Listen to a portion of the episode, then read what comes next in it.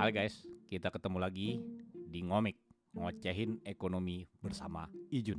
Kali ini kita episode ke-16 mungkin yang pertama di tahun 2021 ini eh, Kita akan lebih banyak bicara soal-soal hal-hal ekonomi yang mungkin lebih sedikit filosofis Supaya kita nggak terlalu teknis ekonomi itu biasanya banyak teman-teman bisa baca di buku, cuma kita coba lihat beberapa hal dan kita lihat angle aspek filosofis di sini. Seperti ada satu pertanyaan yang kerap muncul nih ya, dilematis pertanyaan ini sih sering muncul dan saya juga sering ditanya. Seperti misalnya gini, mana yang lebih tidak penting atau apa yang harus didahulukan sekarang ini dan tengah kondisi COVID-19 ini masalah kesehatan apa masalah ekonomi? Pertanyaan ini emang cenderung dilematis kalau kita memilih salah satu akan mengorbankan salah satu gitu kan. Jadi pemerintah pun sekarang seolah dilematis menyelesaikan masalah kesehatan dulu atau masalah ekonomi dulu gitu kan. Kalau kita membatasi kegiatan masyarakat gitu ya kita fokus uh, kepada kesehatan misalkan itu dianggap mengganggu proses pemulihan ekonomi. Karena ekonomi akan berhenti. Semua disuruh uh, lockdown di rumah ada pembatasan sosial restoran harus tutup cepat, toko-toko harus tutup cepat, nah dianggap mengganggu proses pemulihan ekonomi.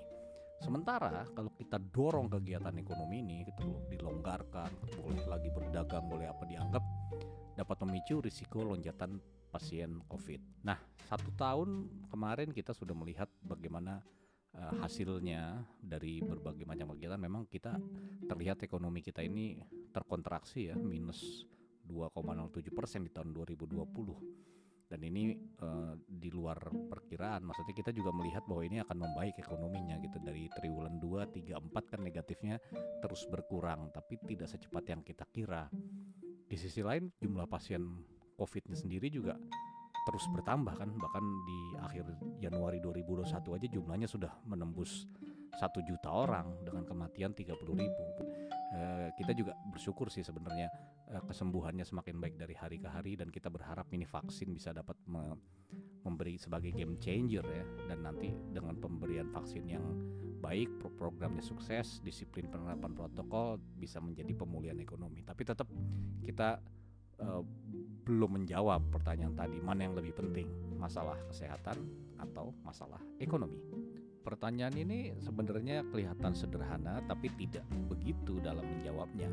Kalau kita memilih salah satu, misalkan lebih penting kesehatan dong daripada ekonomi.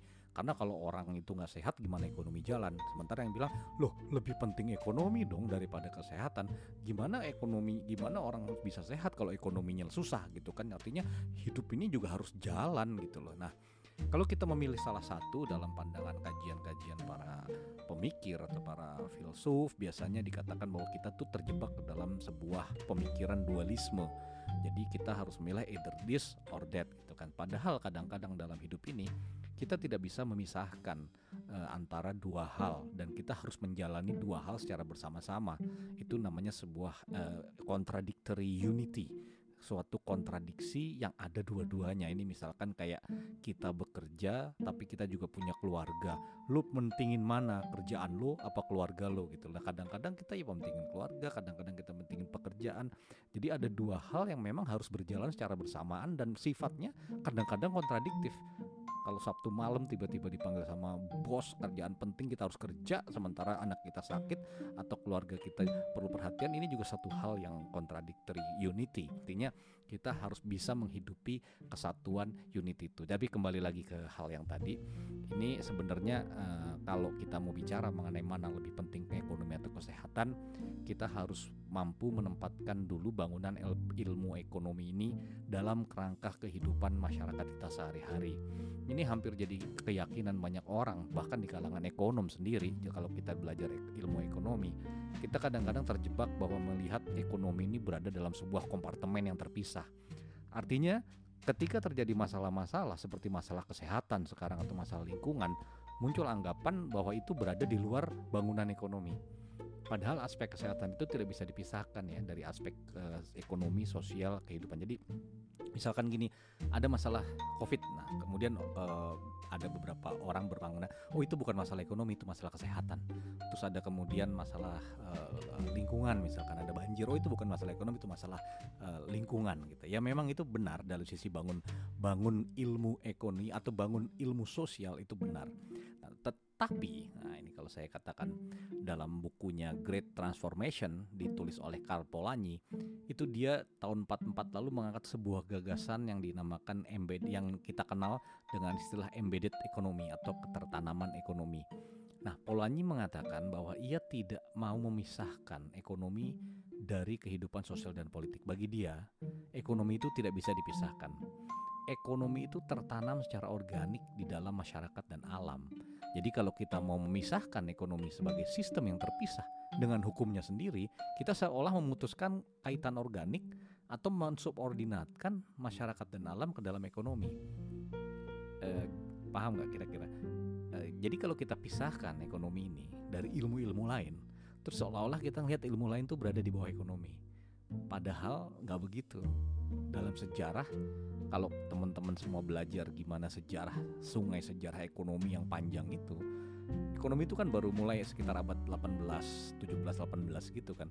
Nah sistem sosial itu sudah ada sejak lama dan mereka tidak pernah terpisah atau menjadi subordinatnya ekonomi karena ekonomi manusia itu selalu tertanam di dalam masyarakat gitu loh embeddedness yang dikatakan tadi oleh Polanyi. Artinya bahwa ekonomi itu tidak otonom, malah cenderung menjadi subordinat dari politik dan masalah sosial lainnya. Jadi masalah sosial, ekonomi, politik, kesehatan itu ada satu gugus sosial manusia hidup.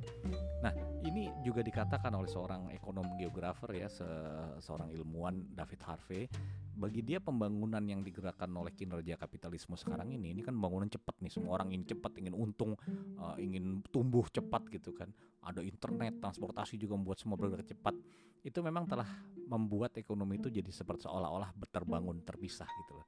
Akhirnya etika itu kadang terpi terpinggirkan dan kadang dikeluarkan dari analisis bangunan ekonomi jadi ekonom hanya berpikir masalah-masalah di dalam ilmu ekonomi itu saja yang memang secara uh, uh, keilmuan ini sih oke-oke aja gitu. Tapi ketika kita bicara dalam sebuah tatanan human, humanisasi itu uh, berbeda. Nah, ini yang menjadi semakin problematik di tengah kondisi pandemi saat ini. Jadi misalkan kita karena apa? Dengan ketertanaman ekonomi tadi, ketika kita melakukan sesuatu kebijakan atau kita melakukan sesuatu hal, itu penyesuaiannya tidak sama terhadap setiap orang dalam ruang dan waktu yang berbeda-beda karena struktur sosial orang tuh berbeda-beda.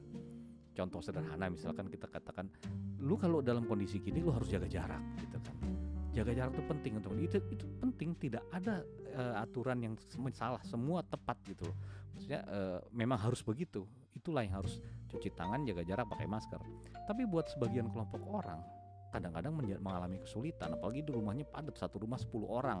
Rumahnya sempit lo lagi lo lagi gitu kan. Terus tinggal di daerah padat. Nah hal-hal seperti ini bisa terjadi nah, apabila kita menerapkan hal tadi. Jadi ini menunjukkan bahwa tidak bisa dipisahkannya masalah itu. Kalau kemudian oke okay, semua di rumah work from home uh, belajarnya online misalnya seperti itu. Ya itu oke okay, bagus. Karena kita tidak bisa berkumpul kan. Nah, tapi itu berdampak juga kepada beberapa orang yang jauh dari sinyal nggak punya internet. Nah itu kemudian berdampak juga. Jadi hal-hal seperti ini tidak bisa tidak bisa dipisahkan dalam e, bicara tentang ekonomi atau kesehatan. Jadi e, kita tidak perlu terjebak terjebak dalam dualitas itu tadi karena ekonomi dan kesehatan itu tertanam dalam satu jalinan tatanan masyarakat Bagaimana kemudian mengatasinya hal hal ini? Nah, bagaimana memilihnya? Ini tidak perlu dipilih karena itu adalah sebuah contradictory unity. Di sinilah pertimbangan etis menjadi penting dalam memilih kebijakan. Kita lihat pemerintah kita sekarang ini sudah berupaya melindungi masyarakat yang berada di kelompok kurang beruntung. Bayangkan pemerintah menganggarkan biaya yang sangat besar untuk pemulihan ekonomi nasional ini kita tahu pemerintah juga nggak nggak luxury nggak punya luxury juga dengan begitu banyak dengan kemampuan seperti itu. Tapi mereka berusaha sedemikian rupa bekerja sama dengan bank sentral dan seluruh elemen ingin mendorong pemulihan ekonomi ini. Dan yang paling penting adalah masyarakat-masyarakat miskin yang te, yang terkena dampaknya secara langsung. Makanya kalau kita lihat tahun 2021 ini ada 627,9 triliun digunakan kan itu untuk perlindungan sosial masyarakat yang di bawah ada bantuan sosial kepada masyarakat ada bantuan kesehatan dukungan pada UMKM insentif usaha dan pajak, serta program-program prioritas itu menunjukkan bagaimana pilihan etis pemerintah dalam kondisi seperti ini adalah melindungi masyarakatnya. Jadi uh, ini sangat bagus karena kalau kita katakan uh, misalkan dalam kondisi begini kemudian pemerintah menyerahkan pada pasar bisa dibayangkan kan oke biarkan pasar menyelesaikan masalah sendiri nah yang terjadi adalah sebuah proses dehumanisasi karena pasar itu konsepnya mencari keuntungan. Dia uh, tidak peduli juga dengan hal-hal etis kadang-kadang ya, tapi ini berbahaya. Jadi itu yang menjadi pilihan ketika kita dihadapkan pada contradictory unity pada sebuah dualitas antara dua hal yang berada pada saat yang sama yang paling etis adalah melakukan bagaimana mencari keseimbangan di antara dua titik tersebut jadi mana yang penting antara kesehatan atau ekonomi? Yang paling penting adalah menemukan titik optimum. Bagaimana kita tidak mengorbankan kesehatan, tapi juga jangan mengorbankan ekonomi. Dan yang dilakukan pemerintah berupa berupaya menjaga titik optimum tersebut. Nah, di sinilah kita perlu melihat kualitas pemerintah masing-masing negara kita lihat beda-beda bagaimana negara Eropa menyikapi, bagaimana Amerika, bagaimana Inggris kita lihat seperti bolak-balik lockdown terus bagaimana di India, bagaimana di Cina. Nah, ini eh, suatu contoh bagaimana uh, setiap regulator di negara itu mencari titik-titik optimum dan tentunya kita harus mendukung apa yang dilakukan oleh pemerintah kita dengan memberikan support atau dukungan bukan malah menyebarkan hoax, malah mendiskreditkan pemerintah, malah menyebarkan hal-hal yang tidak perlu ini berbahaya. Karena regulator yang punya integritas profesionalisme kepemimpinan itu diperlukan untuk menanamkan tadi nilai-nilai dalam kebijakan publik tapi itu juga harus didukung oleh komunitas. Kelompok masyarakat kita kita inilah yang punya kepedulian juga menjadikan tadi masalah-masalah etis itu tertanam kembali ekonomi tertanam kembali ke dalam jalinan masyarakat. Jadi itu kira-kira semoga kita semua tetap bisa dan tetap semangat dan tetap jaga 3M dan tentunya tidak mudah terjebak dalam dualisme-dualisme uh, yang kemudian malah mendiskreditkan berbagai orang. Dan semoga kita tetap sehat. Sampai jumpa di episode selanjutnya.